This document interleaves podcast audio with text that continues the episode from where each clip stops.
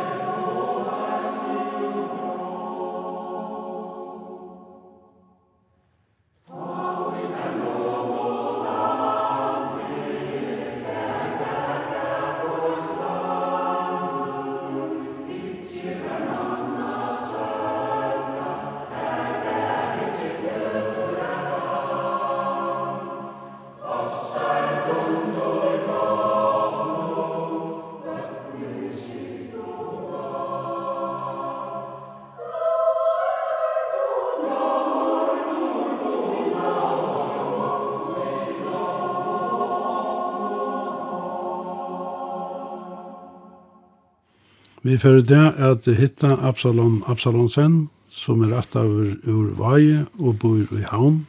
Absalon leist oppe fyrir noen åren så gjerne, at han at det var silt alt løven. Og hese årene hever han finnes stunder at gjørst meira vi sånne frutidar utriv som er jeg mala og skriva. Ja. Hva er det fast og mest vi? Det må være helt om helt råkning vi. Jeg mala, og skriva och så ja, känner jag är er aktiv i samkom i Høpe och i Ebenezer. Kan du fortelle oss något synder om det som du har skriva? Ja, det första som jag gav ut, det var ett yrkingasam som heter Løk og Lutle. Det kom ut i 2000. Da var jeg ferdig av syklene i Norsjøen og sette brunnen her. Ofte var lydig å tenke seg til, helt vakt bare. Da var jeg skrive om kristninger. Jeg fann så på at jeg var ute i en heft. Det var så vant at nå til at jeg får omsette en liten bokling som jeg har haft ved meg skipsleire for en release. Det er om en person i England som kalles George Muller, som levde i 1800-tallet. Han stod i Trøybatnaheim, og hei omkant i by et menneske om et øyre, og oppfostret i 20.000 bøtt. Han omsett jeg så, det var lærkjære som gav henne jo, vi vet det snart. Så får jeg holdt vi å skrive en skaldsøve, og kallet jeg henne Hjolt og Nei. Det som uh, tannbåten snur seg om, det er løyv i, i fargen, søst i 1600-tall, og først i 1800-tall. Det er så kallet av hunkersvarene. Jeg hørte noe om det som smadronger.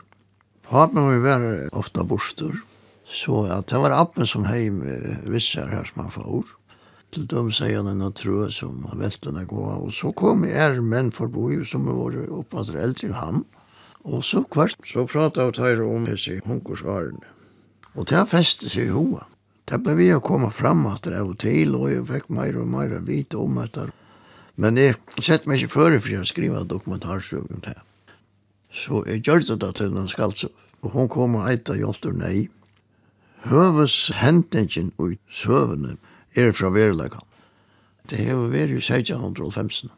Det var hunkersne i Sorøyne, og folk gott ikke med at i munnen, og det var lykka vi at folk var ja, dødt av hunker.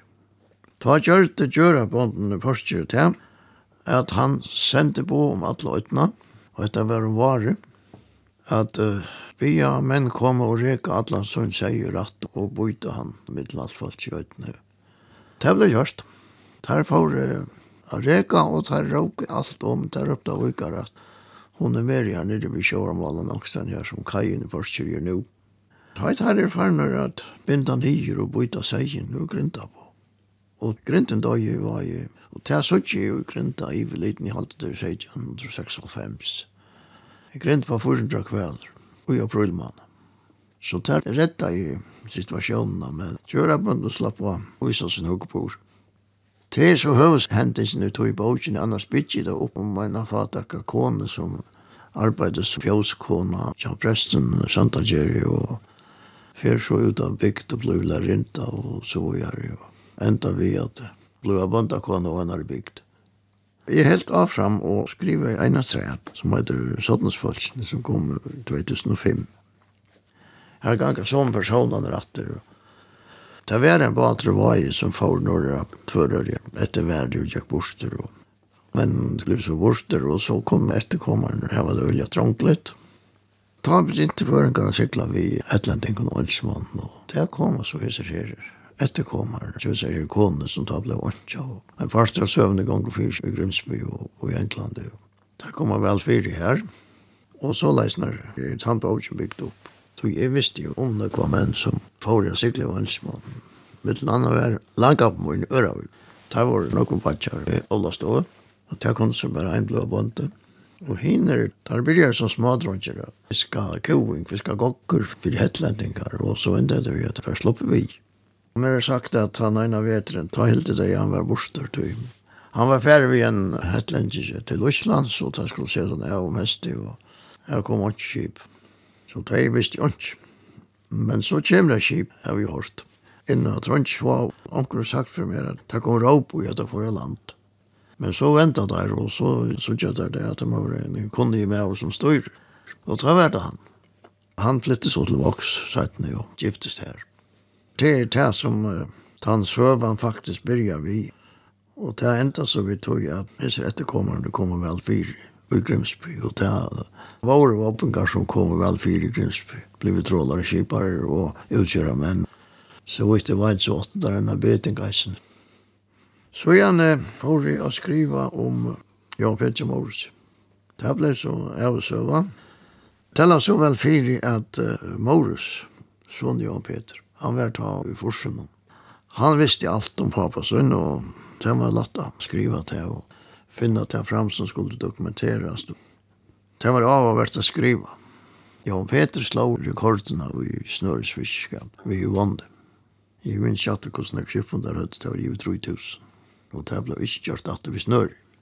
Han førte jo kjøp så langt som han levde. Han døg i Borå Saksaberg, tjej, trusser og gammal. Så skriver jeg et kapittel om Morus og et om Dalland som Morus. Jan Peter var reisende av bankan under Seijan. Det var han, ja. Det var først før han var skipare. Ta var av våre nye skottene av banken. Så til jeg søvnene fikk jeg ikke vi. Så får jeg holdt vi omsett en bok som var ensk og kattleist A Night to Remember. Hun skriva om uh, Titanic, det som heter Walter Lord. Han skriva bokene en 20 år at han var vanlig kan hente. Og han har hitt en trusj av folkene som var vi og flere av dem som var vi av Bjarka dem. Så det er en god dokumentarsøv. Hun kom ut i 2008. Så har vi skrivet en som heter Holegengar og stedfestingar om folk og hentingar i Nødja testamentet. Henne gav lærkjer ut. Og her har vi, ja, som vågen heter Bei Stafest og Holet om i mistenk i Nødja testamentet.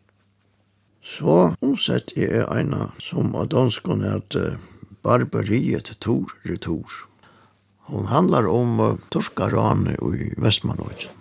Og i 1622 det kom uh, fyra torskar kip til Osland som tar rante i Solanden og tar rante i og Tar tog alt folk av Vestmanøyden. Den 400 folk er alt. Mittelen hese som ble tegjen i Vestmanøyden var en prester han skriver dagbok. Han var træler i Algir i seks vik. Så ble han sendt heim. Han skulle skaffa løysengjalt for alle disse fangene som var tekner. Og til av å være søva hvordan han på med jøkken i Europa midt i Kroinen. Så han var krutja alle stedene. Det er ordentlig av at det er akkurat Mauren Kjolver som skriver det som var mye. Han kom så at Han kom først til Danmark, Det var hollandske skipare som i honom. Men eh, Christian Fjord har jo ikke å lete hånden for å løse seg her nøyerdørene som gikk her i Afrika. Så han endte i Østlandet, og det ble samlet inn, og jeg alltid det ble stjålet minst en av for sist for. Men til endan kom så noen folk atter. Her er mittelen kone hans her. Hun var yngre enn han, og det var sett med kone hans her. Hun åtte baden av en sol. Og så det er en tågjøre gamle dronk, og de stod bare hukk til at min hamla selv. Men hon kom så ivra at det som et av timene var løst. Men elendigheten var i stor i Ísland. Det vet om en av kone som løsegjeld var betalt for, men som korsene valgte jeg ble verant i Alkir. Møvløs over nått bøten her. Det var så det. Og så igjen for jeg holdt vi at omseta, til lenge siden jeg gjør det, hun er bare li, skaldsøvn og hjelpte nei til angst. Hon heter av dansk konstaltkonens datter. Hon er akkurat i hesen døven verdensbrettingar. Så en dansk forleie og en danskar prensmi. Så gjerne har vi skriva eina om grønlandska Norrbyggvar. Hon skulle komme ut til jålar i fjör, men vant at det kommer hun til jålar i år. Hon er røyla av av verd. Det er en kjente norma, Helge Ingstad, som er en kjente granskare og konan ser av fondfrøyngur. Og han har skriva tverbøker under eitur landet under leiderstjernen, altså landet under Norskjøttene. Hon er 600 suger. Her fer han ut uppna vi Jötlen og legger negg fram som er tøkt om grønlandska Norrbygg var og er sjálf veri her. Så har han skriva en æra som heter Vesterveg til Vinland. Her var han saman med flere fotbrøyng og flere år. Tar hava så prøkva at Norrbygg var heva bo eina tøy, vi ein eina sted. Hette er norrar enda av han i Fondland. Her har funnet der tofter og, og stedfest at her heva Norrbygg var bolegst. Men det passa vel vi saknar i Íslandi. Og Torfen Karlsson, han var jo i Vinland i trutja metrar. Han rådde Norrbyk fra buset, altså her tog jeg at der innfødde var fornekver og forsterker og fortjenta sinna i reisen. Men så kommer Helge Ingstad fram vi Imsen sjøl. Her i middelen er et brev som Nils Egede, soner hans Egede, hever skriva. Og her sier han at uh, fra en gamle grønlending, hans Egede, familien kom til Grønland så i 1620, da Nils Egede vel en 12 år, og lærte grønlandst, og så er det at han kommer i samband med en gamle grønlending i Solgrønland som sier vi han er fyrvårig her, nøkve Norrbygvar. Det var begynt å få et sindre av sambandet vitt her, og det passet ikke jo vel, til Norrbygvar var noen katolikker, og så tar vi for boi, og her var fornøk samband vi heitningar.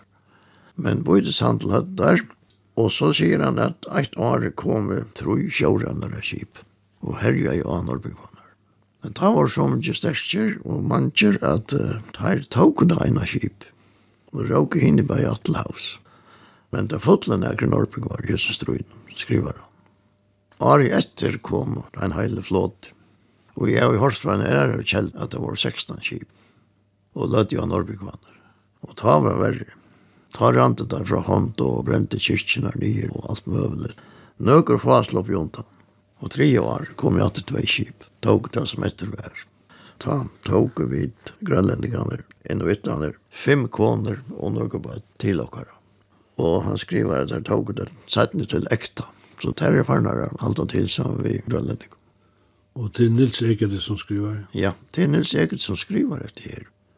Og så er det andre ting som kom under kave og viser at de har bodleikast i Grønland langt at nå at de miste sambandet i Island og Norge. Seinast av skrivelige prøk vi her er fra 1400 og 90. Den kyrkjan og kvalsa ble bevogt då han bor av Uxler här. Hette stann skriv i Island. Så var det inte mer. Men vi ukreste av stenen som tar kallar i Herjolfsnes. Men vi gjorde Janjom. Her funnet der, og i kyrkjegarn, der det grå her, några kvinnebjonar, som var i hakste mot i Paris, og i 1500 Så det vil si at, at her her var altså bo i Grønland i holdt andre år etter at, at jeg miste samband med Island og Norge. Jeg kommer undan kæv i eisen i at her har haft samband vi Bristol. En dag har det gynnsi her. Det kom trutje menn fra en fjerde i år. Stendig skriver jeg ensk kjøl. Som snakka i et mål som malsmången skilte og gikk i kjentbuksen og ådde rått kjøt. Men seiten skriver jeg som sem meg at det var øylatne som retar ta kjentstags fra bret. Så det er nok så avhåvert. Jeg trykker vi at det er sjårenar som har gjort enda av dem hatt det så det som vi har finnet skaftet av det skrivlige. Men så hur du var snälla. Ja. Det var så løs, jeg var mer då inte tekne teckna jeg var unger, og Så fick vi bort och begynte att teckna av timen, och en dag en kommer kona men hon vill ha og kjøpte köpte lite skruin vi malde och penseln så gör så väl for för male akkurat. Det är ju ikke prøvd för men det ble så till det att det maler sin tog första och stått lagom. Men det var för å samla pening till sluppen av Johanne. Ta sier vi över honom på smöna. Vi prøvde ikke å samla några målninger sammen och Og hon har framsvinning och sälja det til firma för Johanne. Det har gjort jag så. Så sier han med så att du måste måla och kort. Okej. jag målar så målninger. Han Andra var vuxna i härsta och bader och drotten och så han också levande jo. Och hin var av en slopp vid fotlåsäcklen det ble som framsynning, og i framtiden var jeg. Det som undrar meg, det var at det første som ble selt, det var mine målninger. Da fikk jeg blåa tonner. Det var ikke bare jeg som domte det, det var jo andre vi. Så her jeg gjerne sin til vette, ja. Jeg halte at uh, Sjøen kom til havnen og bygg var det var 4,5 om hest, ja, Sjøen 5,5. Halte jeg at jeg har haft framsynning hos mine hver i nær. Hva er det du legger det den til at du maler? Til landsløy, det meste. Så har vi malet kjip og Kjøk, men jeg flere av bygge mye målninger og kjip og noe. og grinta drama her i målet. Jeg tenker i store pakkelse, og Jeg maler jeg eisen i Bjergjeng, som kvøvesjøk man gjør det vi slankene. Vil jeg smitte i reisende maler og flere av og tenker landstøren. Et av timen hunker reisende jo i store pakkelse. Det var så leis at uh, ta ene ferien, ta senaste ferien, det var den største Bjergjeng som så, mest dramatiske alltid. Det kom knapplig av brym, Det var jo 1850. Bata var jo utror jeg voksa i, og tar helt til sumpjara, og her ble veisen jeg utkjørt, og tveir fink ikke lent. Tar rau så norrater, og løttes ut for voksa i. Men sette så en likt her av mulan, av halta sjetter, slankan lå av vaj, og så var det bo etter kvivsjøkvann. Og i ørene av baten var lanka på morgen og flere av ombasjen. Appen må myntes til at kvivisjekvann kom vest til Tarja og ville jeg hava noe komme vissar. Langkap, han var kvøner, han forrest ved Seklandet, silt i England. Ja. Han får så vi, og, og så funket det en annan, jeg halte han kallet Magnus Misa, som var kjærkvøner og just reim jo her. Men så Arne Kvivsjøk var fyrir at hesser her uh, ombajan som er og alle angapen der åttjens var grulja gåan hund som er fram, at han skulle hava fram vi. Tar færa så vesterom, etter en av vetra det i dævnens dotter, og norr vi vestanfyrir, og så begynner hundrene å gått inne mot landet. Og så løtter inn etter. Og batane så vi så lanternene og helt i mot sette segl. Der finner så mennene av dette, og et år ligger etter kvivsegående enn at menn ropte jo han og spurte om de skulle rønne bjerke baten. Nei, fag i kroppen er det ikke, råpte kvivsjøk. så må bate være bat. Der kom så. Efter om at det kom jeg til fjøren dagen etter, vi ødelmannen. Han gjør det at jeg trodde jeg fjøren her. Første fjør fikk han bare råsfyrde. Her i fjøren fikk han en medalje. Men han fikk ikke løy bære bæren. Men da han gjør det at jeg tre brakte, da fikk han løy å bære medaljen. Han ble vei. Han giftes med en døtter Toftabonda.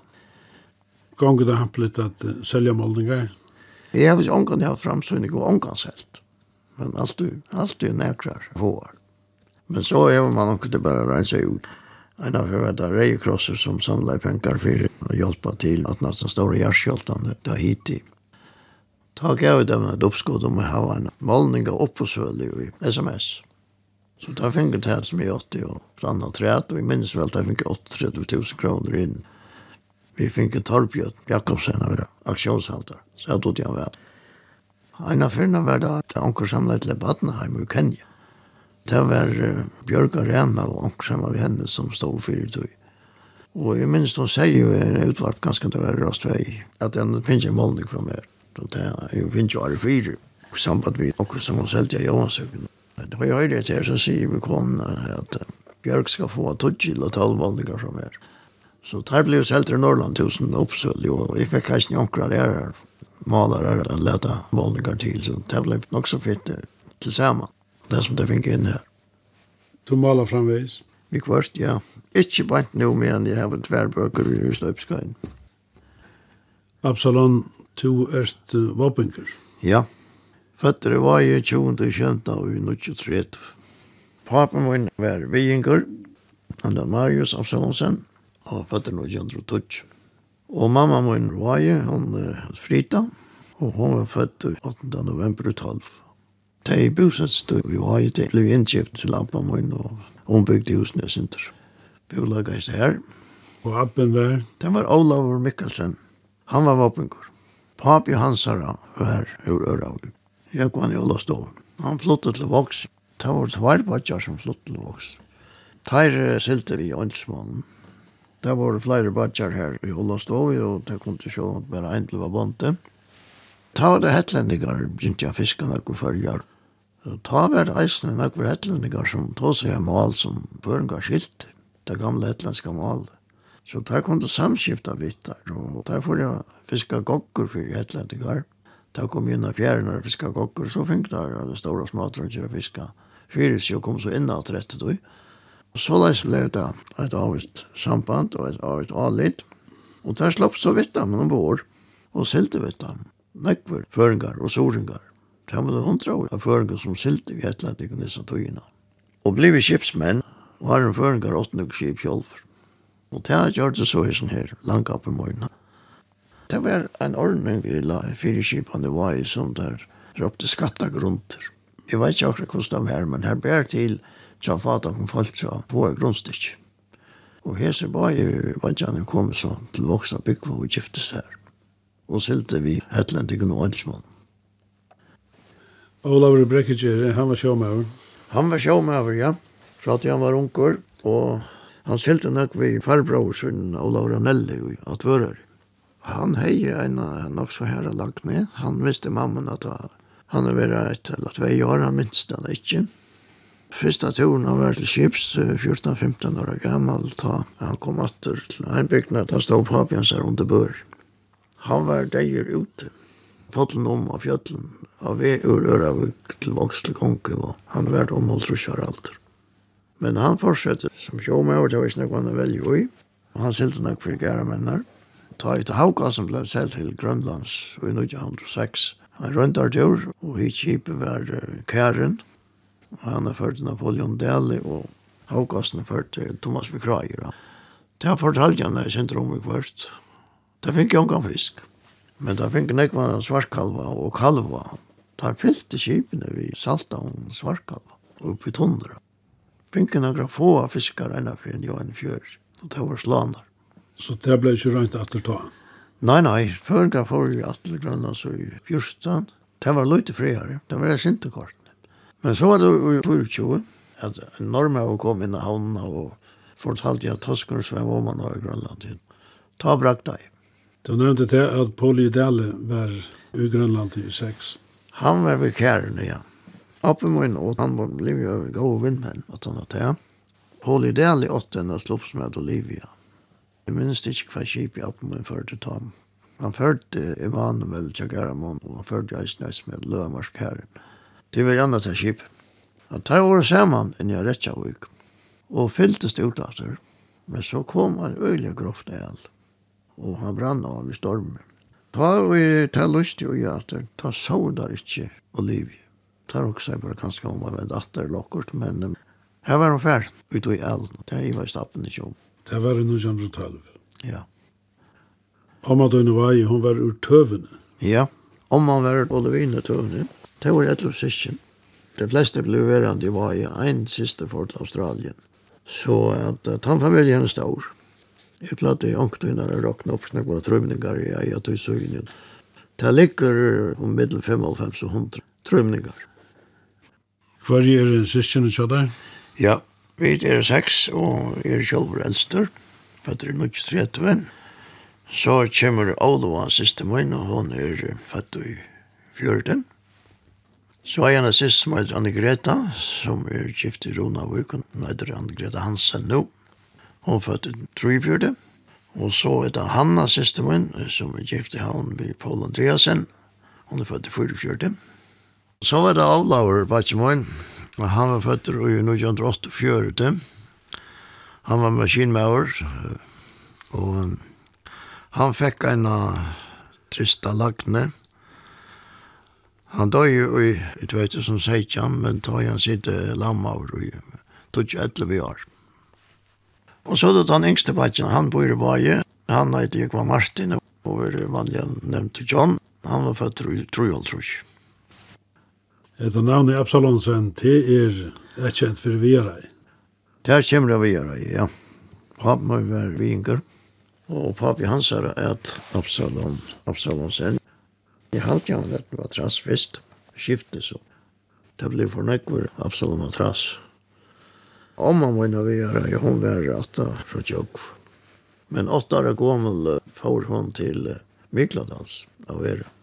Det var en tjon her som var ikke bøten 80, og hon ble så sendt til Tarra av Vera. Hon miste begge papan og appan, tenk bort seg utrådet. Det var 15 år i middelen, men papan har forsikret ikke mye etter hun var ferdig til Mikladals.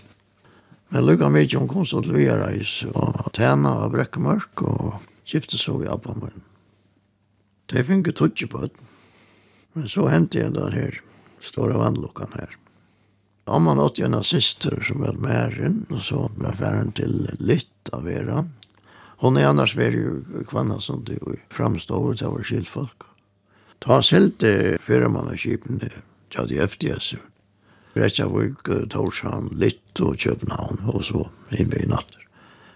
Det var billigere å få en av billett litt enn til København, så det var flere. Særlig unge agenter som får til litt av vera og arbeid, og middelen tar av vera som heter her, mer. Og så etter her sommeret, 1919, kommer hun hjemme ferast. Og hun får kvann sånt. Og vi fremstod i vera, her som hun var oppvaksen. Men uh, mamma var framvis av Løyve. Så en dag så gjør jeg til jeg at um, der skulle fære til Jåra færast. tur, gjør en utfær. Tei avtale vi en dekksbåt, kvann som det er motorbåt. Og han kom så ut for Vierøy og teker noen folk av træt av Vierøy. Vil noen være om han. Og flere av vøttene var vi. Det yngste var etter Heimann og oppe var vi.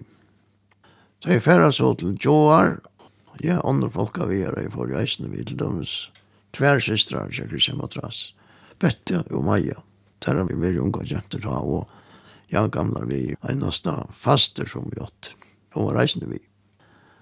Men ta vi til færre heimaten, ta vi livet så Amma og systrene er mer enn etter kjamamen sin. Og baten fær så Og hever var etter her fyra mann affær på Sleip, eller fem mann affær hva det nå er. Men ta brannan av landsnøy. Storm. Det kom seg for vi er ei, og men appen ville slippe land. Det var jo små på et etter ei, man og selv om onker var tjata, men så ville jeg gjerne slippe land. Men disse jentene har tært holdt ikke båten, og en farbror som er som et frøyrykker. han er jo sjåverk, så han hatt seg ikke færre båten. Men appen var en far vi tveim og dronjen.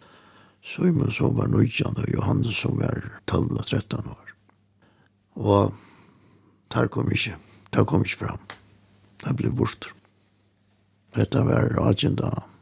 august og nøytjan til 100 år siden. Så vi høtte jeg løyde minninger alt vid familien her nå. den dagen halvt vid enn forskjell sammen. Det var så tænt Og så papen min, han var så til farbror sin av er. Og var her inntil han var 18 år. Så får han natt til. Han ble sjåmauer som de fleste menn tar. Han får 14 eller 15 år gammal vi Star of Hope.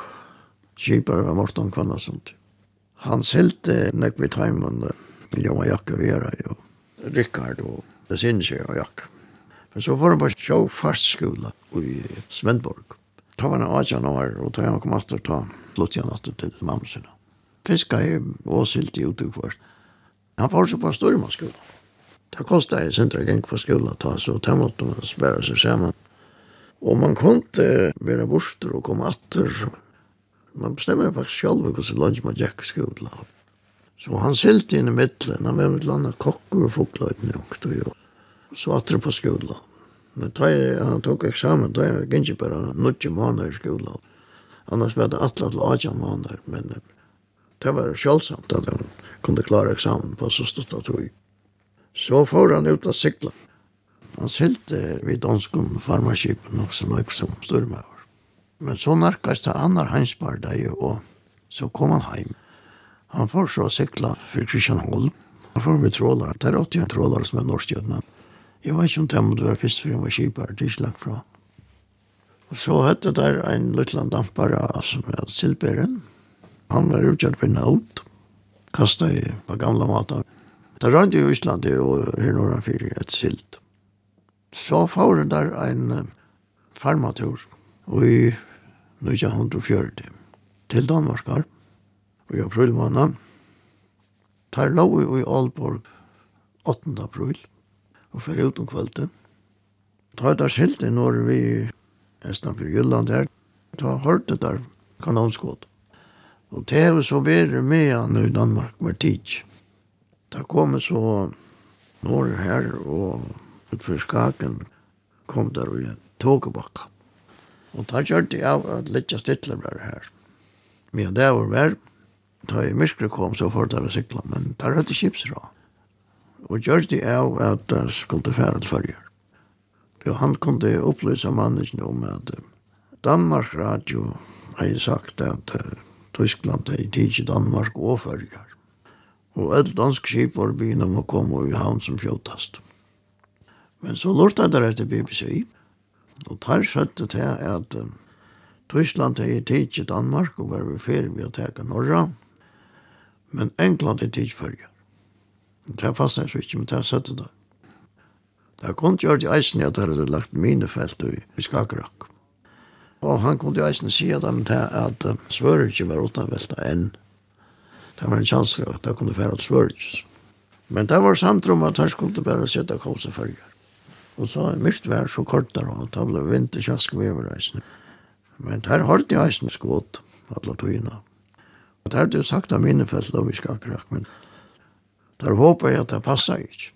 Det viste seg kortene til våre her, og svenske fiskebåter var onker færre av mine ta. Og der sette så kåsa følger, og ta ut her narkast følger. Og tre til fjorden i vårene. Ta så ut av en herskip av flåta færre og i en landring. Men der er til så ujar og kom inn i Nølsjafjorden og kommer et krukskip mot dem. Så det var spennende å vite om det var tyskere eller det var, det var, det var, det var, Men det var en ølsmøver. Der kom så fylgjast vi jo inn til havnen, da visste jeg første ønskeskipet som kom til forrige. Der spurte beina veien om det høyte særnugskip, Østafyrir, der da sier ja, ja, ja, det var tyskar. Jeg vet ikke om det ikke var en hemmabrest rångstan i Østafyrir Sorødna, då i portjen engar sødde til at Tar hadde jeg hørt kanonskå til den morgen. Men der kom så havnen og i Ødlengån, og da var jeg hersetter av England. Nei, at han har hetta. Ta skuld føringar gjerra skip ut og senda til Amerika. Vi føreskar vører og Jeg var ikke røyna å få et samband ved Amerika til England var jo krutsk. Og skannar sanna skulle så som færre til Amerika. Ta det for til Danmark Silber, han tar på med Kipar jo, og Edvin Thomsen, og i Nølse Stormer, ta var god vinn med bare. Ta det så til å færre til Amerika, nå gjør det omgå vart vi at, at papen er ikke noe papur. Han er stor men sagt han. Men Torsten Pedersen helt at han kunne ordne til og føre til fyltan. Men det gikk ikke. Han kom som bor og sier til her hva han nå skulle gjøre. Da sier Edvin at her er ikke problem. Edvin er i kjøpsførereksamen. Jeg skal møte som kjøpar, sier Edvin, så er det færre vidbara sted. Da sier Torsten Vittar at ja, ja, men røyne nå og Røyne og spille som er Marius i Kipa inntil det leser av landet. Så vi sier ikke annerledes, sier han. det var så det. Der kom jeg til Amerika, og han åtta måneder bort til natur. Kom hjemme til Ryssland. Sanna får hjemme til beina veien. Der skulle Røyne og skaffe onker samband. Der skulle reisende Røyne og kjøpe farmaski. Men det kom så ikke bort for tog. Der fortsatt til Russlands, jeg halte måtte være Gullfoss. Og ta var der trutjemenn. Det var Papmann, og det var Gunnar Holm Jakobsen, og det var Peter Dahl, Peter Prost, som han ble kalt over. Ta få oss å vite at det er litt av førskip av Siklefjøren og Tegmond Fisk.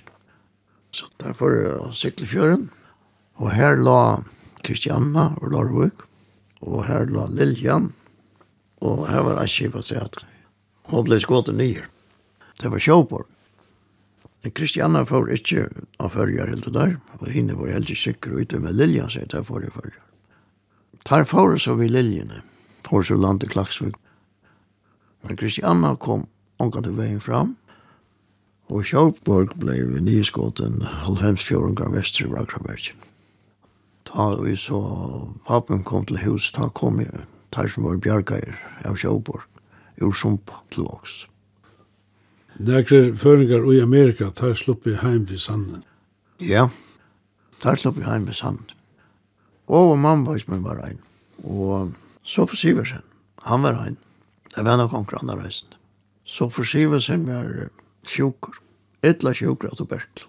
Men der tok han heim vi, og han kom av sanatoriet i havn, og ble og ja. Ble en gammal med havn. Hvordan landet sylte pappa den? Han var uh, given å sykla om tatuina da jeg begynte å sykla. Han sylte 25 år, det var det. Sørste årene var han i førenkamp, fiskavrekar. Så fikk han starve som vrekje et litt smør.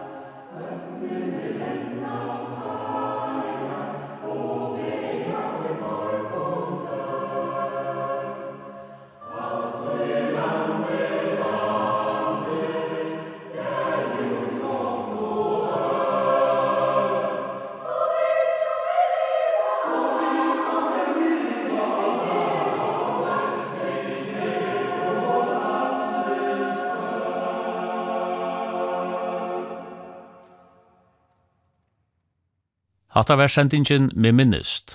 Jeg var marke hitte Absalon Absalonsen ur Vaje. Hetta var fyrsta sending.